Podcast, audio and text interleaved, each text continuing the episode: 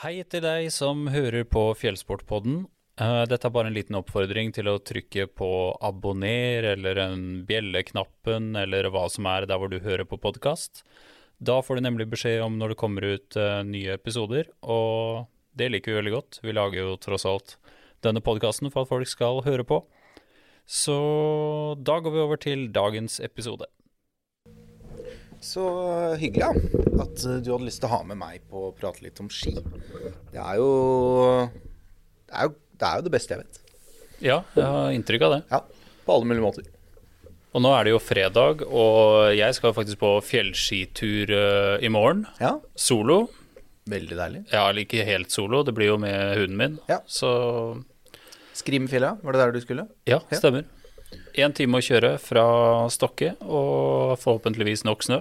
Litt ja. spennende. Men eh, de har jo drevet kjørt opp skiløyper og sånn, så kan ikke være så ille. Ja, for da må jeg bare kjapt, kjapt skyte inn. Da kan jeg allerede gå i gang. Eh, skal du gå i skiløyper med fjellski?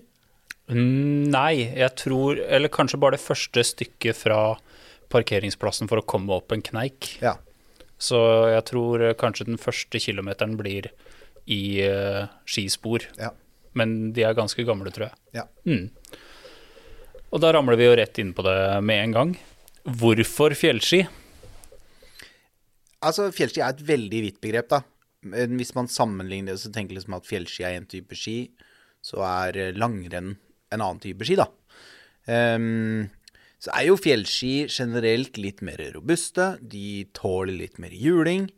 Ehm, ofte litt breiere. Eh, må ikke være det, men de er ofte litt tyngre, litt breiere, litt stivere, litt større, litt mer robuste, litt kraftigere. Bindingen er også litt kraftigere. Ja, bindingen er De er jo da også Det er plass til større bindinger, da. I maskinen er breiere, så gir det også mer eh, skruerom, eller altså rom for å bore på større bindinger. Um, ofte så har um, fjellski stålkanter, men det er ikke noe sånn at langrennsski ikke har stålkanter og fjellski har det. Det er ikke noe regel på det heller. Men um, altså langrennsski med stålkant, det vet jeg ikke om uh, jeg har vært borti.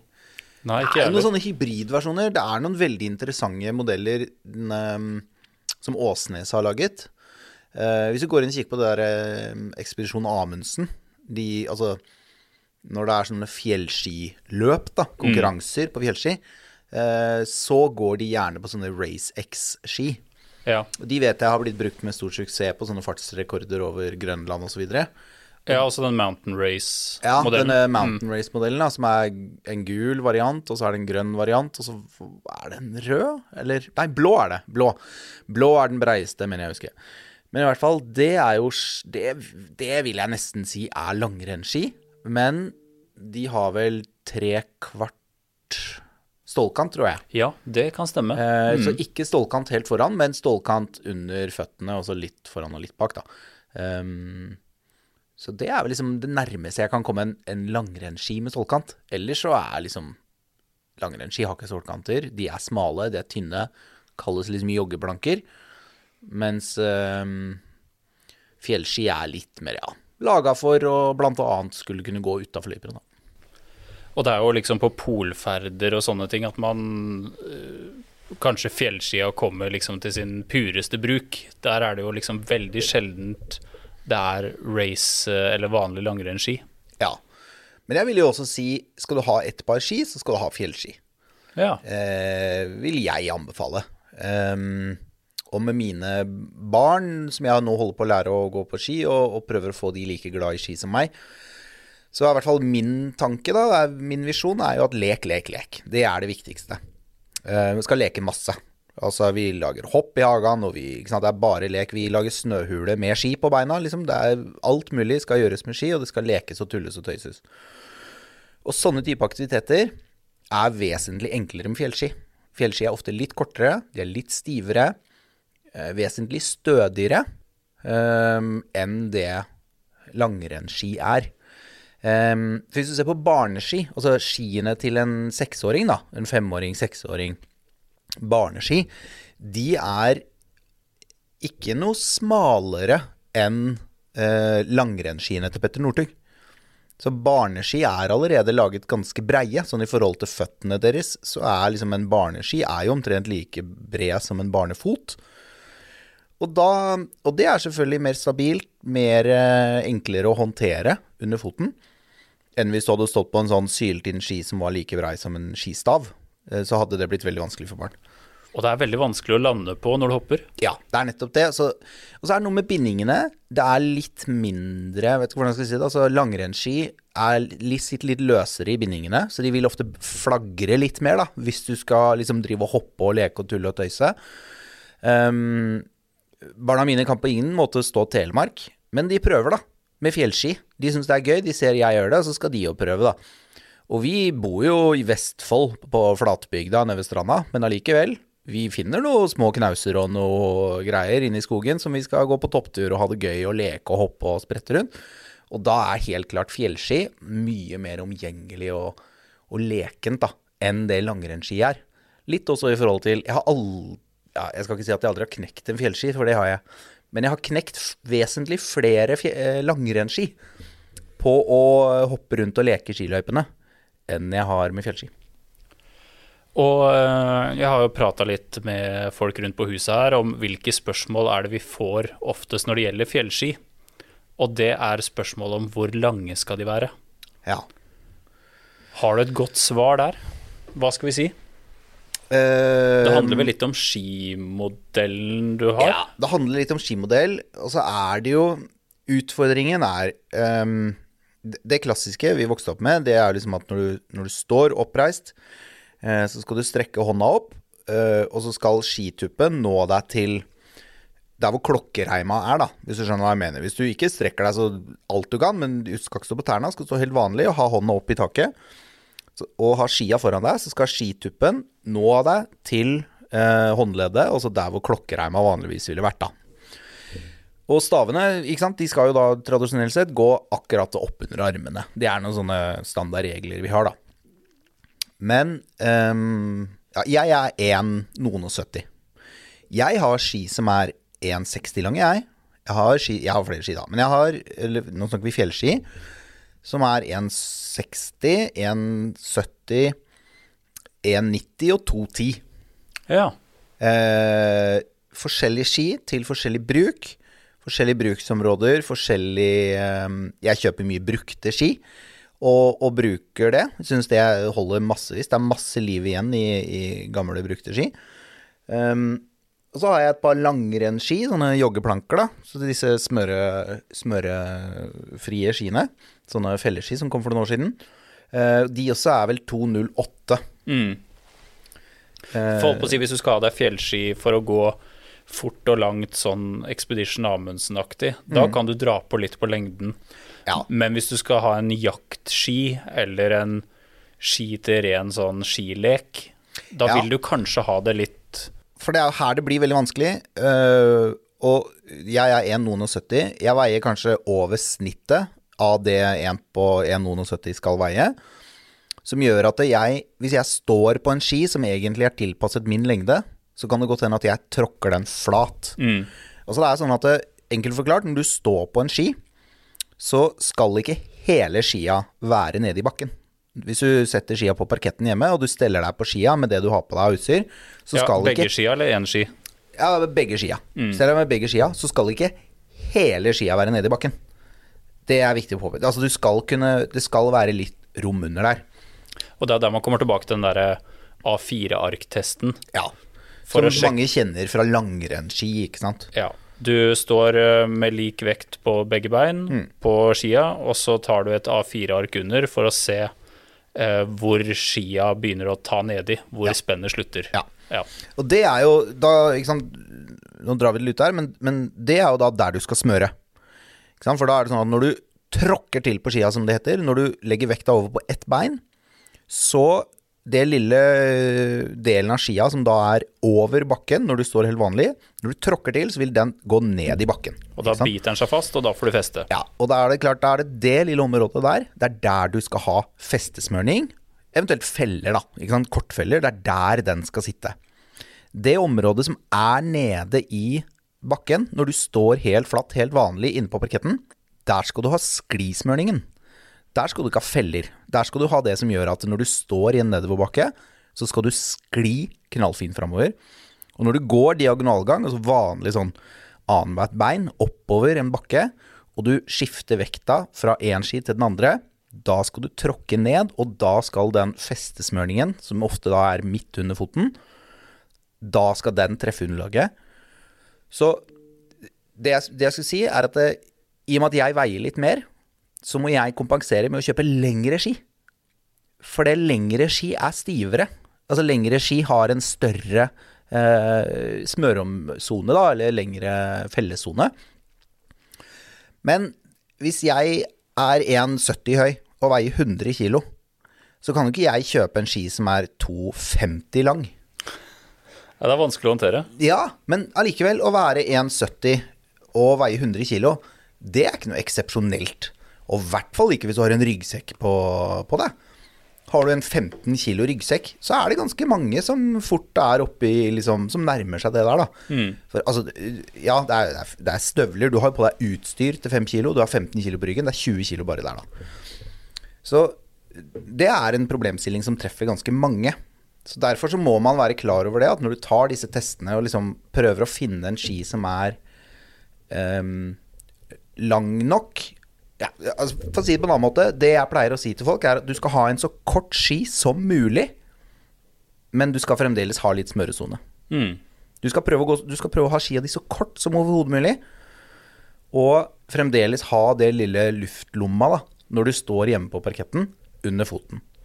Så mine øh, joggeplanker, altså mine langrennsski, jeg er en sånn Rossignol-modell, og den er da en stiff Ja. versjon. Og det er helt genialt. Jeg ble kjempeglad når jeg så det, for da tenkte jeg perfekt, den er super for meg. Da kan jeg kjøpe den i 208. Og så er den like stiv som om den skulle vært 240, da. Mm. sant? Men for meg å gå rundt med en ski som er 240 lang, det hadde sikkert vært veldig ålreit så lenge det går bare rett fram. Men så fort det kommer en liten sving, eller nedoverbakke, eller oppoverbakke, så hadde det jo bare vært helt håpløst. Eller tett skog, eller ja. Nei, nei, det hadde jo ikke, det hadde jeg ikke klart. Nei, Det er vanskelig å håndtere. Så du skal ha så korte ski som mulig, samtidig som du beholder litt smøresone under foten. da. Bra. Um, et punkt som jeg vet at vi begge brenner litt for, det er jo det her om uh, det å gå på fjellski sammen med hund. Ja. Fordi uh, mange fjellski er jo uten stålkanter for å minimere skaden hvis du eventuelt kommer borti hunden din. Og her har jo vi også lagd en eh, eh, hva skal jeg si, jækla bra video, Ja. syns jeg. Si det rett ut. Ja, den er knallbra. Den, den er jeg fornøyd med. Ja, den er veldig informativ og god, den. Den må folk sjekke ut på YouTube. Søk på 'stålkanter mot hud'. Mm. Og det vi rett og slett gjør der, da, er at vi har uh, fått tak i litt uh, godt gammeldags sideflesk og spikra det til en planke. Og så kjører vi ski, uh, ski både med stålkant og uten Mm. over denne huden. Og vi skal ikke spoile resultatet, Nei. men det er vel Vi kan vel si såpass som at hundevennlige ski er ganske hundevennlig. Ja. Eh, I hvert fall sammenlignet med ikke-hundevennlige ski. Ja. da. Altså det, nå markedsføres jo ikke ski med stålkanter som ikke-hundevennlige, men, eh, men eh, det er en grunn til at store produsenter som f.eks. Åsnes da, lager det man kaller for jaktski eller hundeski. Det lages helt spesifikke egne modeller som du igjen hos Åsnes lett kjenner igjen med at det er bilde av en hund på skia. Og det er ski uten sålkanter. Og når du ser den videoen, så skjønner du veldig godt hvorfor det er kjempeviktig for en som kan risikere å krasje med bikkja si. Mm, absolutt. Um, og så eh, tenkte jeg litt på det her med skiløyper. Det er også noe man får litt spørsmål om. Hvilke, eller kan, eh, kan jeg kjøre i skiløyper med denne? Og hovedsvaret der er vel nei, er det ikke det, når det kommer til fjellski? Jo. Hovedsvaret er nei.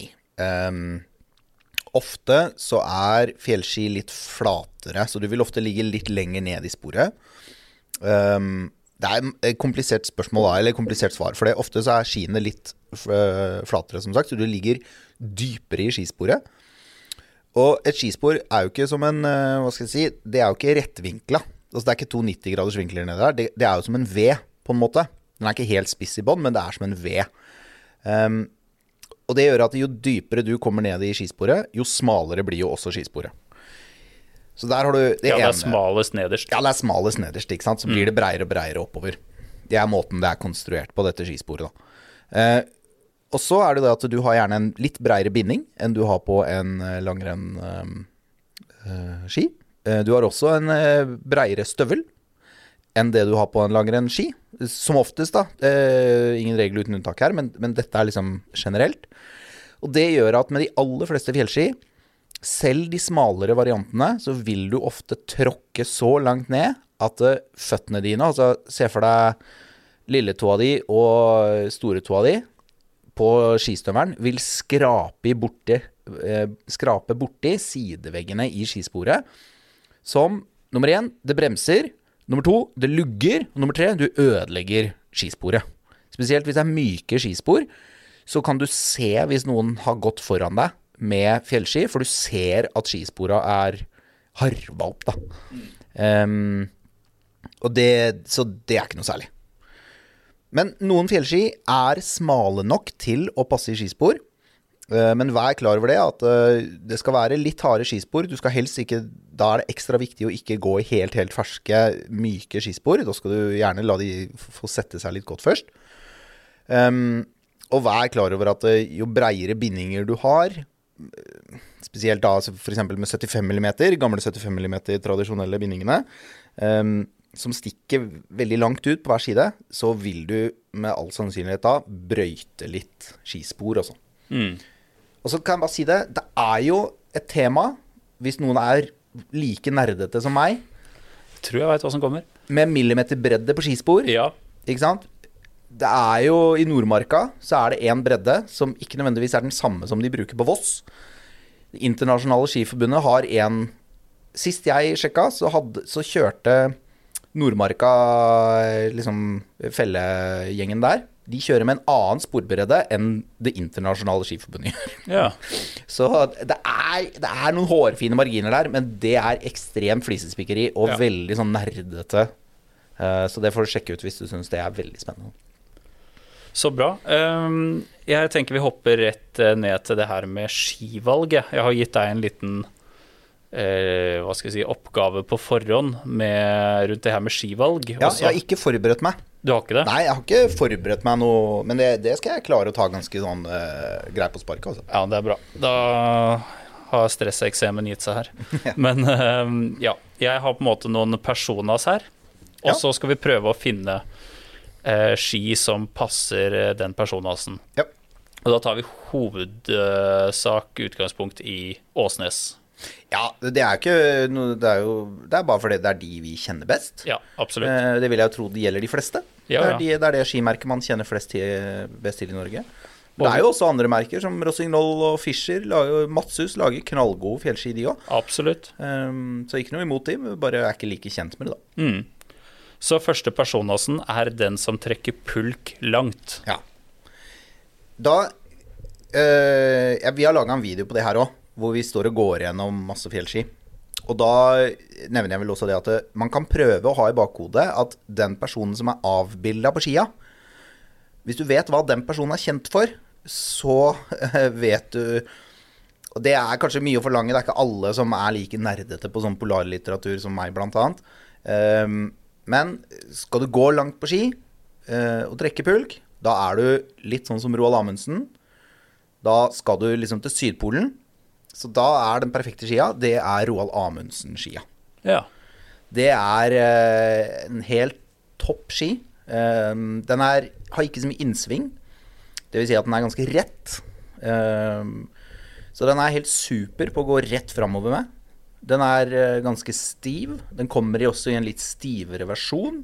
Um, kommer i eh, versjoner med kortfeller, det gjør alle hos energiene. skiene. Kommer også i en smørefri variant. Mm. Men det er en retningsstabil ski, som det heter. Den kan du ha ganske lang. Um, og er helt perfekt for de lange turene, typisk sånn bilder du ser fra Sydpolen. Um, eller de flatende delene på Hardangervidda osv. Og da tilsvarende damemodellen da vil være Liv Arnesen. ja. Det er eh, liksom damevarianten. Eh, Det er ingenting som sier at ikke dame kan gå med Roald Amundsen eller motsatt. Men eh, Liv Arnesen kommer i litt kortere lengder. eh, Amundsen kommer i litt lengre lengder. Um, og Amundsen er hakket stivere, da. Det laga for litt tyngre løpere. Hva med Børge Ausland? Ja, Børge Ausland. Akkurat uh, samme egenskapen, egentlig. Det er ikke sånn at det ene utelukker det andre her. Nei, det er Det, sant. det ville ikke vært feil å gå med Nansen Altså, det det ville ikke vært feil å gå med noen ski. Har du muligheten til å gå på ski på Sydpolen, så gjør for all del det. ikke si 'nei, men du, sorry, jeg har feil ski, så det takker jeg nei til'. Um, Nei, jeg har Ingstad-ski, og det, det funker bare i Canada. ja, altså, ikke sant? Nei, si du, dessverre. Jeg kan, ikke, jeg kan ikke gå på Hardangervidda med de. Selvfølgelig kan du det. Ja, ja. Um, så uh, også Den er bare litt mindre kjent. Den er ikke liksom så tradisjonsrik. Den har ikke vært her like lenge på markedet, og derfor så er det veldig lett å trekke fram Amundsen, for den kjenner veldig mange til. Så bra. Jeg hopper videre. Uh, prøve å holde en uh, framgang her. Mm.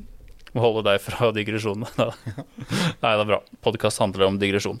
Men eh, så neste person altså, er den som skal på rypejakt i fjellet. Ja. Jeg eh, jakter rype på vinteren uten hund. Jeg jakta med 22, de som kjenner til det. Eh, jeg har gått med Alexander Gammeskia. Helt topp. Eh, stålkanter. Leken, relativt stiv. Eh, den også ble jo i sin tid laga for å gå til Sydpolen, så så det er ikke noe i veien, veien med det. Eh, men den syns jeg er helt topp. Den har litt eh, rocker, har gått med innsving. Hva betyr rocker? At tuppen, altså der hvor skien begynner å gå oppover foran, det er dratt litt nærmere tærne dine. Ja, Så det er ikke bare i tuppen? Nei, det er ikke bare i tuppen. Det, det er på den går flate delen? Ja. Ja, mm. Så hvis du holder skiene inntil hverandre og du presser de sammen, sånn at eh, midten av skiene toucher hverandre, så vil du kunne se i tuppene at skiene begynner å gå fra hverandre egentlig før de siste ti centimeterne, da, som vi vanligvis kjenner som tuppen av skia. Men hva, hvilken eh, fordel gir det? Eller hvilken egenskap gir rocker? Ja, det, det er rett og slett at du får en kortere ski. Eh, Ja. Det som er nære at bakken, når du skal svinge, det er en kortere ski. Og jeg regner med alle liksom klarer å se for seg det bildet at det er lettere å svinge med en kortere ski enn med en kjempelang ski. da. Se for deg en ski som er 30 cm lang, og en ski som er 13 meter lang. Så overdriver det, men, men prinsippet er det samme. da, at Jo kortere ski, jo lettere vil det på en måte være å, å vri seg, eh, å vri med skia. Og det er mindre masse da, som du må skli eller sladde med på snøen, da, som noen liker å kalle det. Så det er litt sånn, ja, det blir sånn som carving på, på slalåmski, da. Det er samme prinsippet. Så det er hvis jeg ikke går med bikkje. Noen ganger hvis jeg er med kollegaen vår Anders på jakt, med, som har fuglebikkje, da bruker jeg en Breidablikk-ski. Ja. Eh, det er jo hundevennlig ski. Ehm, den har jeg også brukt uten å ha med hund. Den er så lett. Det er noe med at når ikke det er de stålkantene altså Det ligger jo i navnet stål. Det er ikke stål i den skia, så den veier mye mindre. Den har litt mykere framtupp, så hvis det er løssnø, så er den fantastisk god å gå i. For den bare Du ploger liksom veldig lett igjennom all dypesnøen. Og den har jeg også i en smørefri versjon, som er veldig deilig når jeg da går på jakt, for da er det litt sånn opp og ned og fram og tilbake og hutta meg rundt og over der. Og. Så den, den er jeg også kjempefornøyd med, altså. Jeg veit jo mange sånn fuglehundfolk som øh, kjøper Nå husker jeg ikke hvem av de der som har irsk setter på, Ja. Men de kjøper den fordi det er en irsk setter på. Ja, ja. Ja. Og da bommer du ikke. Nei, nei, nei, nei da, du gjør ikke det. Og det er altså Om du er på Hardangervidda, eller om du er på Nordfjell, eller om du er i Finnmark, det er selvfølgelig også lokale variasjoner her. Er du i Sogndal, så må du først og fremst ha en ski som takler å gå i én meter med løssnø. Er du på Finse, så må du først og fremst ha en ski som tåler litt eh, vindpåvirka skare osv. Så, videre. Så det også er selvfølgelig aspekter du skal ta med her. Skal du gå i skogen, så du, må du være forberedt på at det er dypere, løsere, tyngre snø. Og da er det ski som passer bedre for det. Ja. Så er det den som skal snørekjøre. Ja, Da tenker du etter hund, ikke sant? Ja, etter Ja. hund. Ja. Du har hundene gjerne i strikkbelte og hoftebelte. Ja. Mm. Strikktau og hoftebelte. Ja. Ja. Ehm, hvis du skal gå i løype, sånn skijåring er vel det heter, da Ja. ville jeg jo hatt en langrennsski. Eh, skal du liksom konkurrere? Det er, det er jo en fantastisk kul aktivitet blitt, det greiene der. Eh, mange som driver med det. Eh, Nonstop har jo veldig mye kult innhold på det, for de som er interessert i å se der. Ehm, da ville jeg gått for langrennsski. Eh, ikke stålkanter og raske muligheter til virkelig la bikkja få lov å eh, utfolde seg og gå fort. da. Har du en pointer eller en husky sånn type som liker det, det er veldig godt. Men det er ingenting i veien for å snørrekjøre med en eh, litt eh, lubben golden retriever heller. um, hvor du nødvendigvis er litt mer ute etter turen, og kanskje fremdeles snørrekjøringa, men det er liksom ikke Det er ikke sprintinga som står i fokus, kanskje. Uh, så ville jeg gått for den Finnmarksskia Ja, den til fin. Åsnes. Ja. Litt smalere uh, fjellski. Men eh, av hundeskiene, da, så er dette den smaleste. Det er den som på en måte er mest lik Amundsen, vi kan, Ja. hvis vi kan si det. Den raskeste. Den raskeste Ja, av de, ja. uten å være en langrennsski. Um, og det hadde vært en helt eh, Den er det bilde av en husky på, Mm. men jeg husker. huske. Ehm, kommer også i smørefrie versjoner, kommer med fellelåser, har alle de eh, duppedingsene du trenger. Det ville vært en helt topp ski å snørekjøre med, hvis du ikke bare skal holde deg liksom i racingsporet, da. Ja. Og så, jeg tror vi tar den siste, og det er den som vil gjøre alt. Ja, da, da er det veldig vanskelig, for da skal du gjøre alt. du da, sier du da at du også skal gjøre noe med hund? For da vil jo jeg si at det, så fort du skal gjøre noe med hund Ja, For meg personlig så utelukker det automatisk alt som har med stålkant å gjøre. Ja, det er sabla godt poeng. Eh, Alt minus hund, da. Ja, men hvis jeg skulle hatt én ski Ja. uten stålkant, så hadde jeg gått for ehm, Jeg tror jeg hadde gått for Finnmark. Det er den skia Hvis jeg skulle valgt en uten stålkant, hvis jeg har hund og skulle bare hatt én ski, så hadde jeg gått for Finnmark 54. Ja. Hvis jeg ikke har hund, eller kan gå for en ski med stålkant, så hadde jeg gått for ah, Vanskelig å si. Alexander Gamme. ja. Uh, leke en alt mulig type ski. Litt sånn mellom barken og veden, på på en god måte. Um, tilsvarende Cecilie Skog-skia til dame. Det er en grunn til at uh, folk elsker de skiene, for de er um, De er uh, superlekne, uh, gøyale, enkle ski. Du trenger ikke ha de kjempelange, for de er passe stive. Eh, kan, altså, som jo igjen gjør at du kan ha ganske korte ski, som gjør det morsommere å gå på ski. Det er mer lek og sprett, og hvis du faller, så er det mye lettere å reise seg opp igjen. Eh, det, for det er jeg opptatt av. Voksne òg skal leke på ski. Det er ikke bare barn som skal leke på ski. Eh, Det skal være litt lek og gøy å gå på disse. Det skal være morsommere enn å gå gatelangs på joggesko. Så for herre, Alexander Gamme, og for dame, så ville jeg hatt um, Cecilie Skog. Ja. Men jeg må få lov å skyte inn. Jeg ville gått for Explorer-bindinger. ja. For da hadde jeg hatt muligheten Vi kommer til, vi kommer Ja, okay, til bindinger. ok, vi kommer til bindinger. Ja. Vi kommer til bindinger. Så Dette er ulempen med at jeg ikke har forberedt meg. eh, jeg bare syns Jeg tenker liksom Jeg husker vi lærte på medier og kommunikasjon at eh, det viktigste i avisartikkelen skal stå først. Ja. Og i mitt hode da så er det først ski, og så feller, og så bindinger. ja. Man kan diskutere den, men når vi kommer til feller, Ja. eh, så kommer de ofte i en lang eller en kort eh, versjon. Mm. Kan du ta oss litt eh, med gjennom pros and cons der sånn?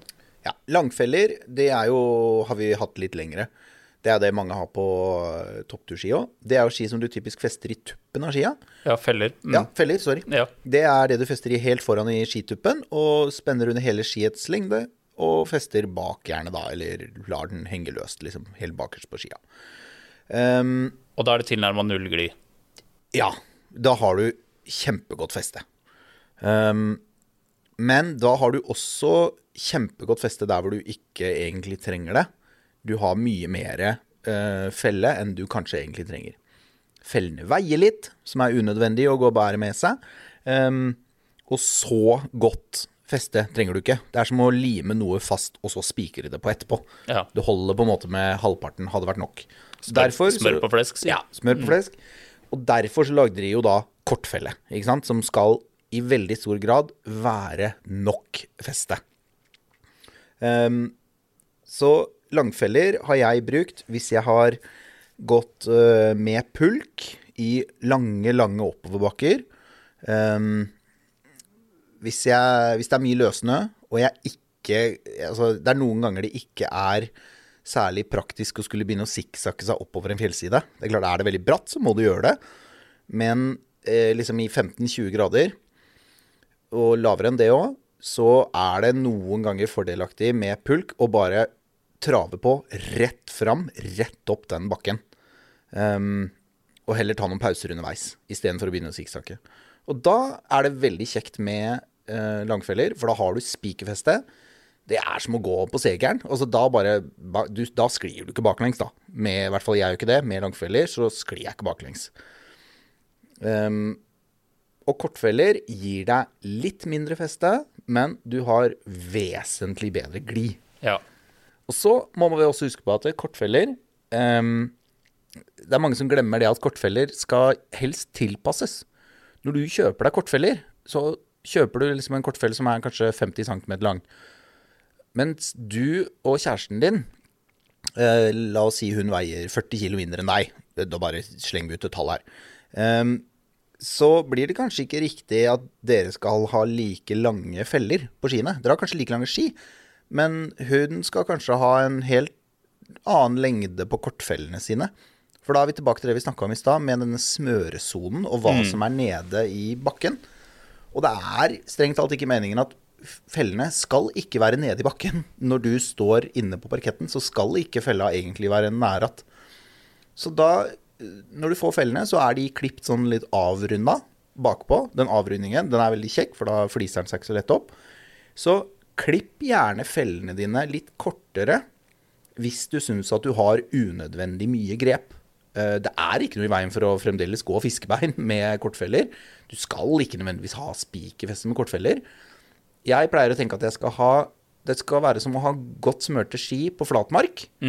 Og ganske greit feste oppover, men eh, jeg vil Jeg setter den skliegenskapen så høyt at jeg liker å ha ganske korte kortfeller. Jeg får huske jeg klippte stort sett av fem og fem centimeter. Ja. Helt til jeg fant liksom et sånn slags gyllen middelvei. Ja. Og mange klipper også liksom den ene, og ikke den andre.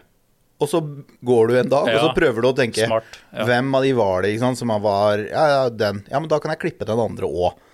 Det er klart det er vanskelig å skjøte på, men feller koster ikke all verdens. Det er en kjempegod investering. Jeg har flere par med feller. Jeg har forskjellige feller. Ja. Jeg har feller med forskjellig hår, som gir forskjellige gliegenskaper. Ja, vi, vi går rett inn på det. Vi går rett inn på det med forskjellige typer hår. For noen heter nylon, noen heter mohair, Ja. noen heter mix. Ja. Eh, pros and cons med nylon. Eh, veldig slitesterkt.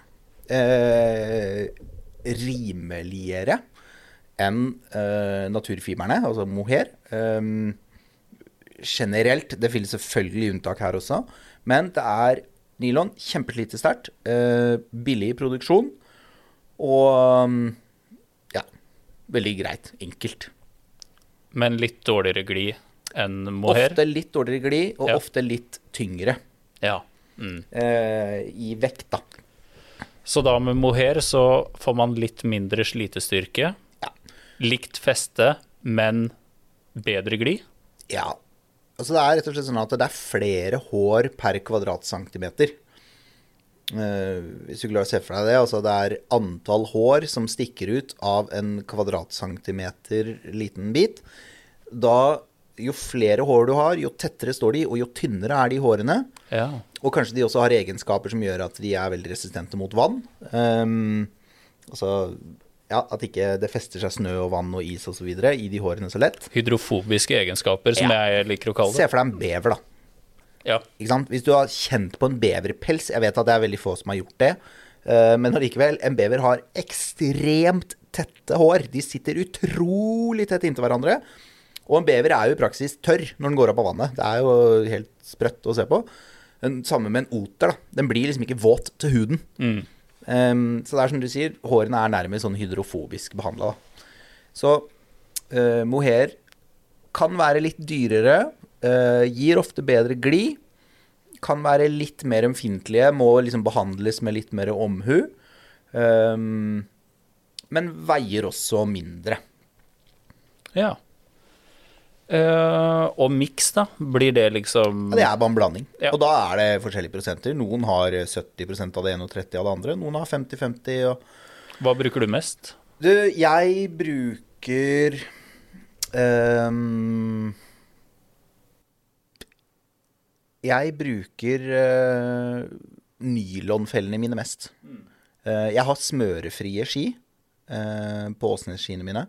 Så der har jeg bitte litt feste når jeg skal gå på flatmark inn til hytta fra parkeringsplassen og sånn. Det er en kilometer å gå. eller jeg går i skispor med barna mine, så går jeg bare på det smørfrie.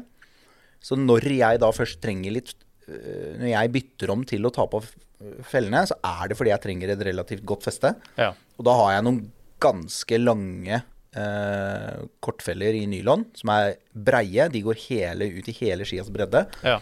Og da tar jeg på de, og da eh, har jeg veldig veldig godt feste. Men skal jeg gå en ukes skitur uh, over vidda, gjerne med venner eller kollegaer eller uh, aleine, så har jeg som sagt med flere par. Jeg, tar, jeg tar, kan gjerne ha med meg tre par med kortfeller. Kanskje ikke et eneste par med langfeller, men jeg har med meg tre Ja. sett med kortfeller. Ut ifra forskjellige forhold eh, og forskjellige muligheter. ja. For da tenker du om morgenen hvis du ser at nå har jeg sju kilometer med motbakke. Da, Jeg tenker det ikke om morgenen engang, for det, det tar meg 14 sekunder å bytte det i løpet av dagen. Så selv om det er helt flatt hele dagen, så kan jeg gå med noe før lunsj, og så kan jeg gå med noe annet etter lunsj. Alt Å, ja, ja. Mm. på en måte hvordan jeg føler meg i kroppen, og hvordan jeg går på ski. Eh, om morgenen så er jeg typisk veldig sånn statisk. Da sklir jeg ikke særlig mye. Den siste timen før lunsj, da har jeg, det er da jeg har den beste skiteknikken da, i løpet av dagen. Og da prøver jeg alltid å tenke at jeg skal skli 25 cm på hver fot. ja. For jeg hadde en lærer en gang som fortalte meg at hvis du går Skal du gå én mil på ski, da, så holder det å gå 7,5 km hvis du sklir 25 cm på hver fot. Wow. Ja. Ikke sant? Mm, det, det, ja. er, det er 25% da, som du har muligheten til å skli, og det, det prøver jeg liksom å etterstrebe. Og det får jeg til best rett før lunsj. Det er da jeg liksom er på topp. Ehm, men så morgenen og på ettermiddagen, da er jeg litt mer statisk, så da, da har jeg litt dårligere skiteknikk. Og da blir det mer sånn labbing. Da har jeg kanskje noen andre feller til det, da. Ja. Eh, og så er det jo litt eh, med feste av disse kortfellene. Ja. Mange av disse Åsnes-skiene har jo sånn fellefeste i front, som ser ut som to hull. Jeg tenker du på nå helt foran i skituppen? Nei, sorry. Jeg tenker på kortfell, altså rett foran bindingen. Ja, riktig. Så er det som regel Ser nesten ut som en hoggorm har bitt ned der. Ja. Det er to sånne hull. Og så setter man eh, to spisser på kortfellen, Mm. eh, ned i de. Og så limer du på en måte fellen nedover. Ja. Men her er det vel kanskje folk som har opplevd at den ikke fester seg så godt. ja. Har du noen tips? Eh, en varm fell fester seg best på en varm ski. Altså, jeg prøver ikke å si at en kald felle fester seg godt på en kald ski. Det gjør den ikke. Eh, så prøv å ha varme komponenter. Eh, det er som alt mulig annen teip, alt mulig annen lim. Det fungerer særs dårlig når det er kaldt. da. Så jeg har alltid kortfellene mine. Hvis jeg vet at jeg skal ha noen kortfeller som jeg skal feste på skia snart, så har jeg de inni jakka. Eh, hvis jeg er på hytta på fjellet, så kan jeg ta skia inn. Eh, og la de stå inne. Eh, og så setter jeg på varme feller inne. Hvis jeg går en uke på skitur, og jeg kommer til leir med feller på kvelden, så børster jeg av snø på de. Jeg lar de stå på skia. Det er ikke noen grunn til å skulle ta de av skia unødvendig ofte. Jeg lar de stå på skia. Eh, bare prøver å børste vekk snø. Prøver å være helt sikker på at ikke det liksom legger seg Marerittet er jo så fort du får ett snøfnugg eller bitte litt is mellom skia og fellene. Da er det gjort. Ja. For da eh, får du snø, røbb i, altså is i røbben. Da. da får du rett og slett snø på limet, og da sitter ikke den fella i det hele tatt. Og da kan du også risikere at du mister fella. Det skjer med mange, det. Um, som rett og slett du, du mister fella, du går av deg fella. Og det er ikke sikkert du legger merke til sånn med det første. Ja, det har skjedd meg en gang. Ja, Så hvis du går bakerst i et turfølge, så skal du følge litt med. For det hender rett og slett at det kan ligge en én løs fell i skisporet, og så er det noen foran deg da, som kan ha mista den. Så eh, Trikset må vel være å prøve å varme opp fellene litt før du fester de. Sørg for å feste de på helt rene ski. Ikke ha noe skismørning der. Ikke ha Tørre, snø ikke minst. tørre ski. Ikke sant? Ikke ha noe på skia. Og fest de på. Behandle de godt. Um, Ja, for du får vel sånn der slags impregnering eller en voks du kan ta utapå fellen, gjør du ikke det? jeg tenker du på limsiden eller på hårsiden? På hårsiden. Ja. Du får jo også først da skal jeg si det, du får også en, en, eh, et fellelim. Du kan Ja, sette på ja. nytt fellelim. Sant. Jeg har aldri gjort det. Oh, ja. Jeg har aldri gjort det på en eneste felle jeg har hatt. Um, jeg har aldri hatt behov for det. Det var Jeg husker for mange år siden folk skulle drive og holde på med strykejern og masse greier for å få på nytt lim og få av det gamle limet, og det var helt kaos.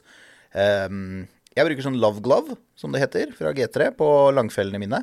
Som er en sånn lang, lang pose som du putter hånda inn i. Ja. Som du gjør at du kan ta tak i fella, og så vrenger du fellene inn i den posen.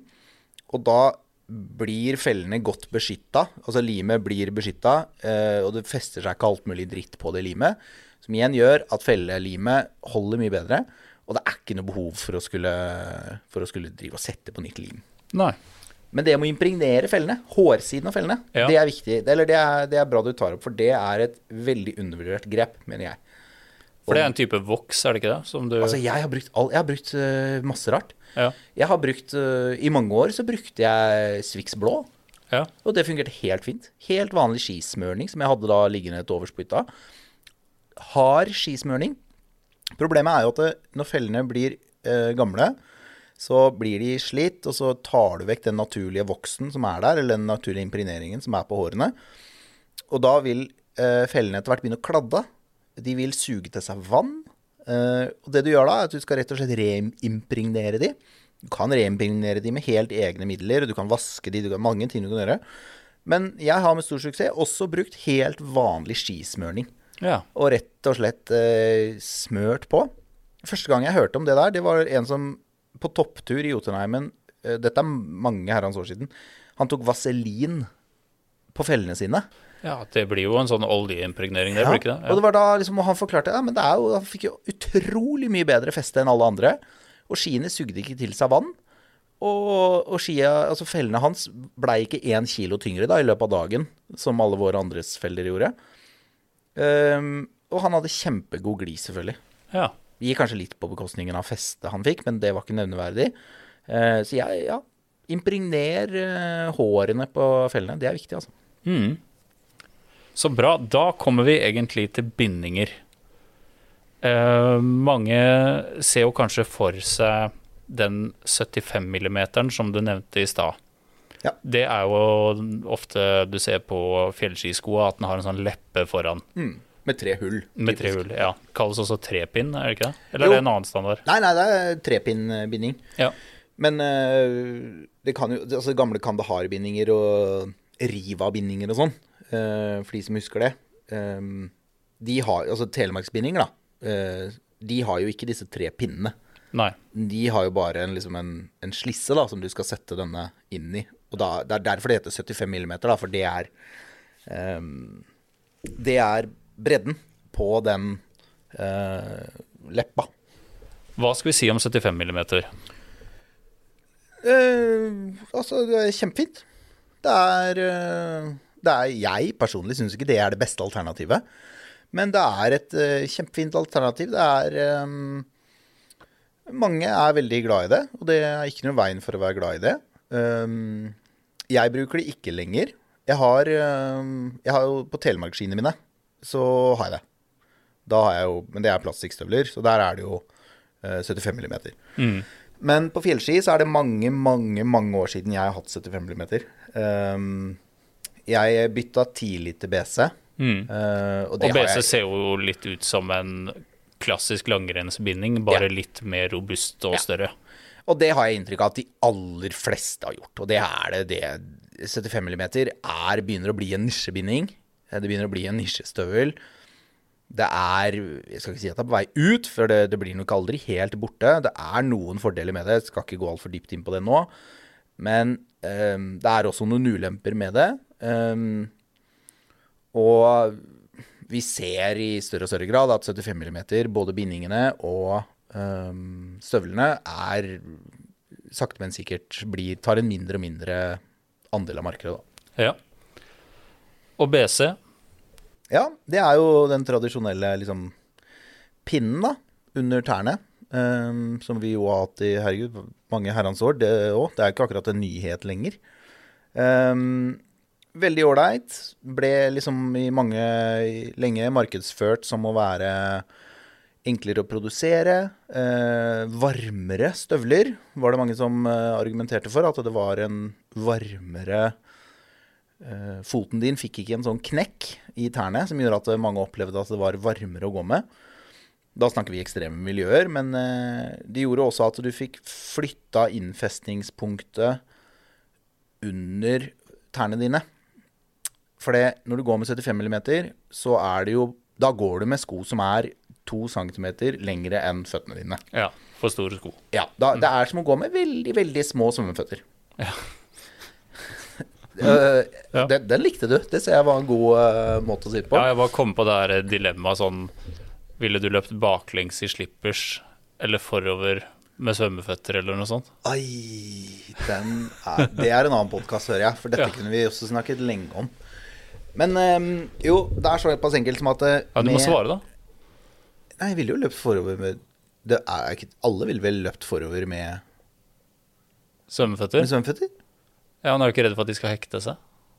Ja, men, Og så tryner du forover? Når du pesto, da, eller når du løper baklengs, som noen kaller det, Ja. eh, med slipperser, så de hekter seg, de òg. ja. Jeg vet, det er jo et sånn hekte Hvis jeg husker det dilemmaet riktig, Nei, nei, er det nei, ja. Jeg syns jo til og med det kan se litt kult ut, jeg, hvis noen klarer å løpe ganske fort forover med, med svømmeføtter. ja, jo, jo, kanskje. Ja, nei, men nå skal ikke jeg eh, 75 deg mer. da har du lengre sko, um, bitte små svømmeføtter, som vi ble enige om. Og det gjør at du får en litt unaturlig gange når du går med det. Når du går på ski, så skal du på en måte Foten din skal gå som om den hadde gått vanlig på beina. Um, når du får flytta det innfestningspunktet, som det heter, under tærne dine, så får du en mer naturlig rull på foten din.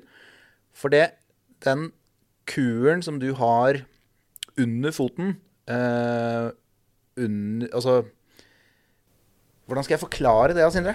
Den kuren som er der. Ja, som 3D-puta, eller hva Er det det kan det heter? Ja, det heter vel kanskje det på hund, men Ja, det, eh, ja, det tror jeg er hundespråk.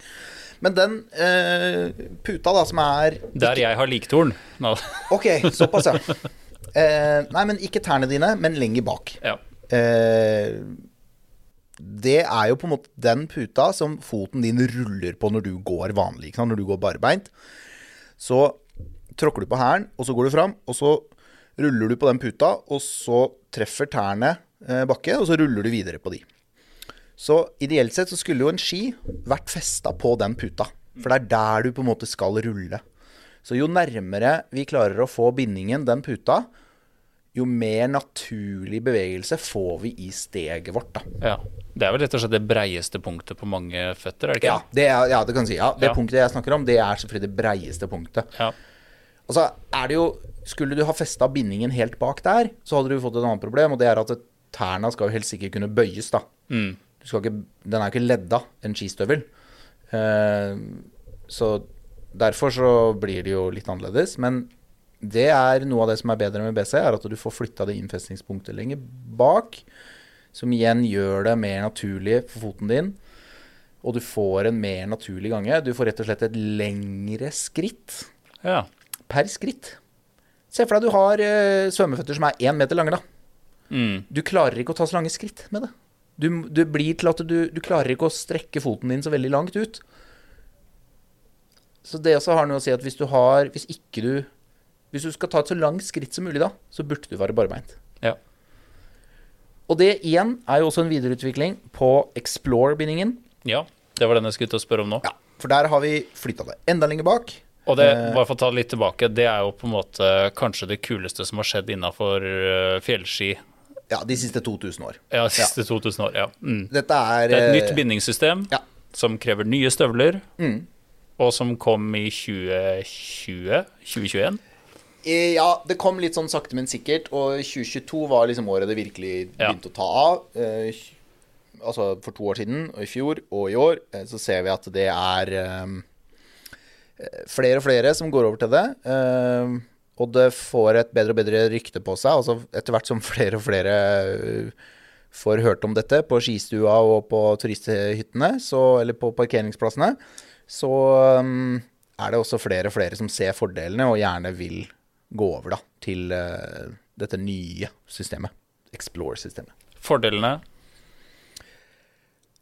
Min beste, min favoritt med det er at jeg kan uh, ha veldig lite motstand når jeg går. Altså det kan være som å gå barbeint. Det, det er null motstand i bindingen. Og når jeg kommer på toppen, så kan jeg med veldig enkle Skal jeg lage en lydeffekt her? Klikk, klikk, klukk. En veldig enkle grep. Eh, så kan jeg gjøre den ekstremt mye mer kjøresterk. Og det vil si at da har jeg en binding som er lettere å gå med på flatmark eller oppover enn f.eks. en BC. Og den er mye lettere å kjøre nedover med. Fordi den gir deg større BC. motstand nedover. For da kan jeg velge at den skal gi meg mye mer motstand. Som gjør at eh, når du lener deg framover da, så får du veldig mye av kraften din gå rett ned i skiene. Som er Det er du helt avhengig av for å kunne klare å liksom ploge greit, for å ha mer kontroll på skiene. Kanskje du tar litt telemarksvinger, så er du Eller slalåmsvinger, for den saks skyld. Så er du helt avhengig av en ski som sitter ganske tight på støvlene. Og det syns jeg er det beste med Explore. Det er at jeg har både bedre oppovermuligheter, men også vesentlig bedre nedovermuligheter. For den, ser, den er vel litt motsatt av en sånn tech randonee-binding. Fordi Ja. her står piggene ut fra skoa, Ja. Eh, mens det er motsatt på randonee. Ja, riktig. Og det medfører jo at denne bindingen er jo ganske mye breiere enn en BC-binding. Ja. Så jeg bare tenker sånn i forbindelse med skispor og sånn, så ble jo den enda verre, blir ja. ikke det? Da hører du at jeg sier at, at liksom det er snakk om å gå opp og kjøre ned her, da. Ja. Eh, så for meg er det liksom ikke så vanlig at jeg går med den i skispor. Nei. Jeg går jo generelt med langrennsski hvis jeg skal gå Ja, i skispor. ja. Em, men jo da, den er nok eh, kneppet breiere. Det var bare for å gi lytterne et bilde Ja, ja, ja, Av, av at den er um, Jeg liker li, bilder er It's wide. viktig, Ikke sant? Den er litt breiere. Um, kanskje mer tilsvarende enn 75 mm. Ikke så brei, kanskje. Men ja da, den er breiere, så du vil brøyte litt mer i bredden. Men den tillater også vesentlig breiere ski. Ja. Eh, så man har også muligheten til å feste den på ganske mye bredere ski enn hva jeg ville sagt var fornuftig å feste en BC-binding på, da. ja. Så det gir deg også muligheten til å Jeg vet ikke hvordan jeg skal forklare det, men altså, når, når Explore-bindingene kom, så var det rett og slett et hull i markedet på type ski. For Ja. plutselig så hadde man en binding som kunne brukes på en type ski som vi ikke hadde enda. Det er ikke bare Åsnes. Det var på en måte på markedet, så vidt jeg kjenner det, så var ikke var ingen ski som passet det segmentet som Explore bl.a. kunne brukes på. da. Er det sånn, midt, er det sånn breddemessig midt mellom fjellski og randoski? Ja. Ja. Et slags kompromiss? ja. Ja. Og det er en verden som har åpna seg opp for veldig mange. ja, for har ikke du noen sånn der rabb- eller falketinnski? Den Rab-skia, f.eks., fra Åsnes. Den er en av de. Ja, Ja. en av disse skiene her. Helt fenomenal ski til eh, Igjen, lek, da. Det er, det er ikke en toppturski. Jeg har gått til Jotunheimen med den, jeg. Kjempefin. Gikk opp til Storebjørn med den. Fantastisk flott over de store breene. Og jeg kjører fin telemark med den i litt slakere terreng og har det kjempegøy med den skia. Uh, Superski på lange anmarsjer og sånne ting som det der. Det går utrolig mye flotte toppturer med den skia. Men tar den over for gamme, da? På spørsmålet den som Nei, den er breiere enn gamme. Den er vesentlig breiere enn gamme. Ja. Um, så jeg ville ikke gått med den en uke på Hardangervidda. Den, den skia, med mindre du skal kite, så finner du ikke den skia på Antarktis med det første. Nei. Det er ingen som skal gå på flatmark med den, øh, håper jeg, for deres skyld. For den er, den er kneppet for brei til det. Det er den. Så bra. Eh, da føler jeg vi Er det noen ulemper med Explore som du har merka? Eh, ja, eneste ulempen jeg har oppdaget, det er at um, jeg har denne free-støvelen. Det er den som lettest kjennes igjen med at den har to sånne hjul. Den har boa-justering Ja, på seg. Alpha Free. Alpha Free, det er Ja. den støvelen jeg har til uh, min Explorer. Eh, mens til BC så har jeg en, eh, en lav skinnstøvel fra Crispy. Men jeg har også disse ekspedisjonsstøvlene til Alfa. De høye med innebygde gamasjer. Ja. Ja. Og det har vi snakket om før, at ja. de er jo, både du og jeg er veldig glad i det konseptet med en ferdig montert gamasj på skiene, eller på støvlene. Og det eneste jeg savner med Explorer, er at eh, jeg har ikke klart å få tak i en skistøvel med denne ferdig påmonterte gamasjen. ja. Skjønner. Det konseptet der, den finnes foreløpig. Jeg sier foreløpig. jeg har hørt litt rykter, jeg òg. den finnes foreløpig kun til eh, BC. Eh, I hvert fall for alfa, da. Um, det fins jo også 75 mm-varianter med denne høye, ferdig monterte gamasjen. Men enn så lenge ikke et Explore-alternativ, da. Mm, skjønner. Men Eh, Explore er ikke laga for ekspedisjon. Nei. Og derfor så er det heller ikke noe stort marked etter akkurat den skistøvelen som jeg etterspør her. Godt poeng. Eh, nå gikk vi litt naturlig over det, men støvler eh, Kan du ta oss litt gjennom eh, hvordan type Ikke konkrete modeller, men hvordan kall det utseendeaktige modeller som passer til hvilket bruk? Ja, det er jo eh, Jo høyere støvel, jo stivere blir den. Ja. Det kan du liksom enkelt tenke, da. Jo bedre er den å kjøre nedover med. Ja, den vil gi deg mer liksom, kantgrep osv. Når du lener deg utover, så vil du på en måte ha mer støvler å lene deg mot. Hvis uh, du hadde stått der i fotballsko da, som var uh, helt lave under anklene, så har du veldig lite rotasjonsstivhet. Du har veldig lite sånn sideveisstabilitet. Um, så derfor så tenker man ofte at jo høyere støvler, jo stivere er de, og jo mer eh, stødig blir det da for nedoverkjøring. Noen bruker også argumentet at hvis du har litt høyere støvler, så får du heller ikke snø ned i skoa. Jeg vil jo si at da kan du bare bruke en gamasje eller ta støvlene på utsida av skoa. Um, men uh, en stivere støvel er også tyngre. Den gir deg også et mindre naturlig bevegelsesmønster. Altså du, du går ikke mange mil om dagen med veldig høye, stive støvler. Det er ikke noe deilig. Um, Men det er det polfarerne gjør, da. Nei, støvlene er ganske lave. Ja, selvfølgelig. Herregud, nå ble jeg lurt av gamasjen. Ja da, så- jeg, er jeg er helt enig med deg. Jeg er helt enig med deg. du går Ja. ikke med slalåmstøvler, da. ikke sant? Du går ikke med veldig stive støvler. Du, sånn, Innerstøvlene innafor gamasjen er jo ikke altfor høye. Nei. Eh, og de er ganske myke også, de, selv om de er relativt høye. Det handler litt om å få varmen, da. Men de er også veldig myke i toppen. Um, men det er sånn, du spiller ikke fotball med gummistøvler. Du spiller fotball med noen ganske lave støvler som gir deg en mye raskere bevegelighet, ikke sant. Um, så sånn er det med, med støvler òg, at uh, jo høyere støvlene er, jo mer stabile er de. Um, men de blir også tyngre, da. Og så blir det også eh, varmere. Det er jo veldig mye tilbake her nå til den støvelen med den gamasjen på, da. Men det er jo det du og jeg har snakket om òg. Altså, er det største aperet med den støvelen, det er at den er grisevarm. Ja, ja. Den er jo utrolig irriterende i april og mai måneder, når du i påsken da skal gå på ski i to plussgrader eller to minusgrader, så er den nesten for varm. Eh, og da også er det jo veldig ålreit med en litt lavere støvel, da. For jeg tenker på alle de som går på fjellsky hytte til hytte. Mm. Eh, der er det jo veldig uvanlig med den type stor støvel med høy gamasj. Ja. Der er det jo lave skinnstøvler, Ja, crispy stetin Absolutt. og Crispy Stetin, helt fenomenal. Det ja, ja. ja. Kjempebra skistøvel. Mer enn mer enn bra nok. Det er absolutt ikke behov for den høye med gamasjer. Nå går både du og jeg vesentlig mer på fjellski enn mange andre. Eh, og vi har nok også på en måte Vi er enige om at vi har gjort en investering som Jeg skal i hvert fall ikke ha nye fjellskistøvler på ti år. Eh, Ikke jeg heller. Nei, det trenger jeg ikke med den støvelen.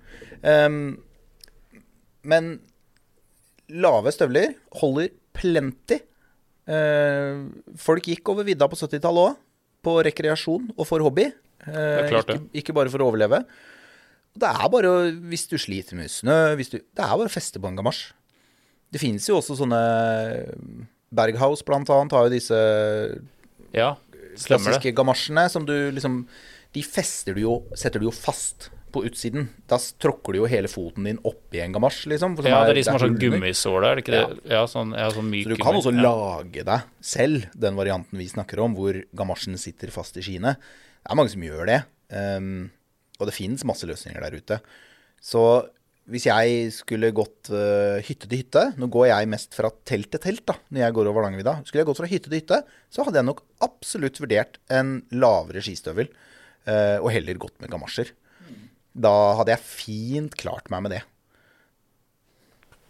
Så bra. Føler du at det liksom er noe nå vi har ikke har toucha borti, som er helt uh, sjukt at vi har glemt? Um, nei. Jeg kan nevne at det, jeg har barn som går i andre klasse, og vi skal nå bevege oss fra eh, ski uten stålkant til ski med stålkant. Ja. For det, fordelen med stålkant, den har vi liksom ikke snakket om. Nei, det er et godt poeng. Ja, Og, bra. men vi har hund, da, så jeg har jo et dilemma der.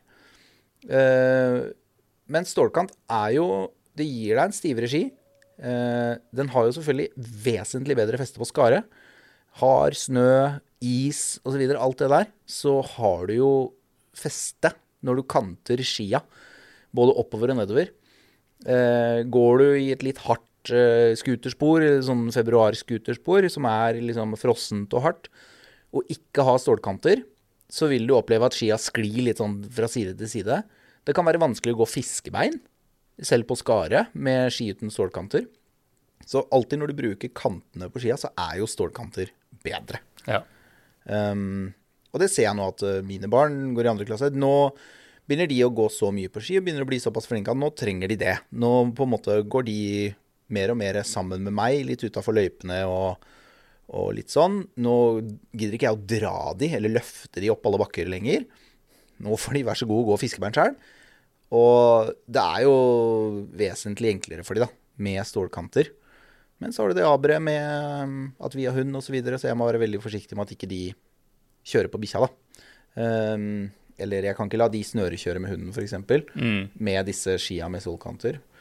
Men da går vi for en sånn uh, junior-variant, da, kan det vel kalles, fra Åsnes, som er en sånn med tre kvart stålkant. Det er den skia jeg venter på nå, da, i uh, julegave ja. til ungene. Så, um, så stålkant er uh, veldig bra. Jeg har masse ski med stålkanter, selv om jeg har hund. Det er kjempe Det er veldig mange fordeler med stålkanter òg, så det er ikke sånn at det, det bare er uh, hundeski som gjelder. Enig. Men bra. Takk for nå, Oskar. Nå er det snart helg. Jo,